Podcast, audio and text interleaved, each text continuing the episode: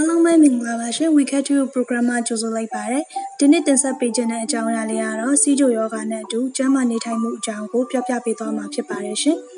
နံပါတ်1ဟင်းသီးဟင်းရွက်အသုံးဆောင်ကိုဟင်းရံဖြစ်ထဲပါဂျုံဆန်အာလူစားတဲ့ကစီဓာတ်များတဲ့အစားအစာကိုစားရင်ဟင်းသီးဟင်းရွက်ကိုဟင်းရံဖြစ်ထဲစားပါအဲ့ဒီအသုံးမှာရှလက်ကားရေးထဲပါရှလက်ကားရေးလက်ဖက်ရည်တစုံခွဲကသွေးကြိုကို42ရာခိုင်နှုန်းလျှော့ချစေတယ်လို့မကြသေးမီကပြုလုပ်တဲ့လေးလာရေးတစ်ခုမှတွေ့ရှိရပါတယ်နံပါတ်2အချက်ကိုလက်လှုပ်ရှားပါအတော်အသင့်ကိုလက်လှုပ်ရှားမှုလေ့ကျင့်ခန်းဟာခန္ဓာကိုယ်ရဲ့သွေးချိုထိန်းချုပ်မှုပိုကောင်းစေတယ်လို့သုတေသနအသစ်တစ်ခုကဖော်ပြပါတယ်။ ကာလတစ်ခုမှာ နာရီများစွာထိုင်ခြင်းဟာယောဂမျိုးစုံရဲ့ အန္တရာယ်ကို တိုးပွားစေပါတယ်။တစ်နေ့မှာ မိနစ်30မှ45မိနစ်ထက်မနည်း တက်ကြွစွာလှုပ်ရှားဖို့ ရည်မှန်းထားပါ။ရုံးမှာထိုင်တာကြာသွားပြီဆိုရင် ထပြီးလမ်းလျှောက်ခြင်းဖြစ်လဲ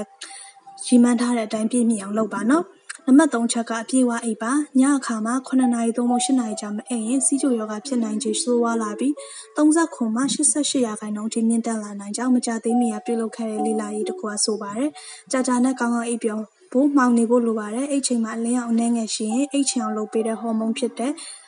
ထုတ်လုပ်မှုကနှေးသွားပါတယ်နော်။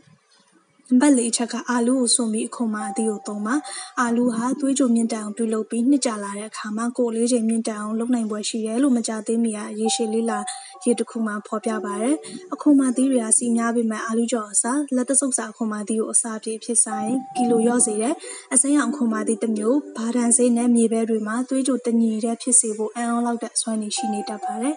ဟုတ်ကဲ့အားလုံးကျေးဇူးတင်ပါတယ်ရှင်